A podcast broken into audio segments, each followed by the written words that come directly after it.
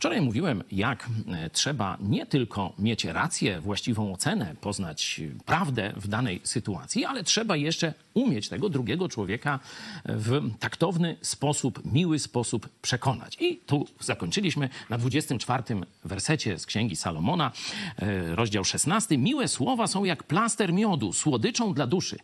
Ale ten werset tu się nie kończy.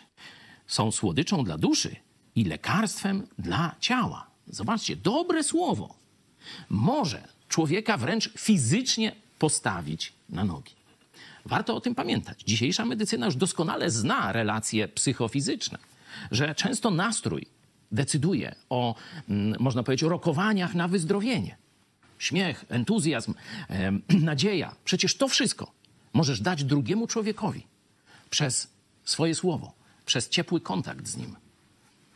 Obficie dzielmy się tym dobrem.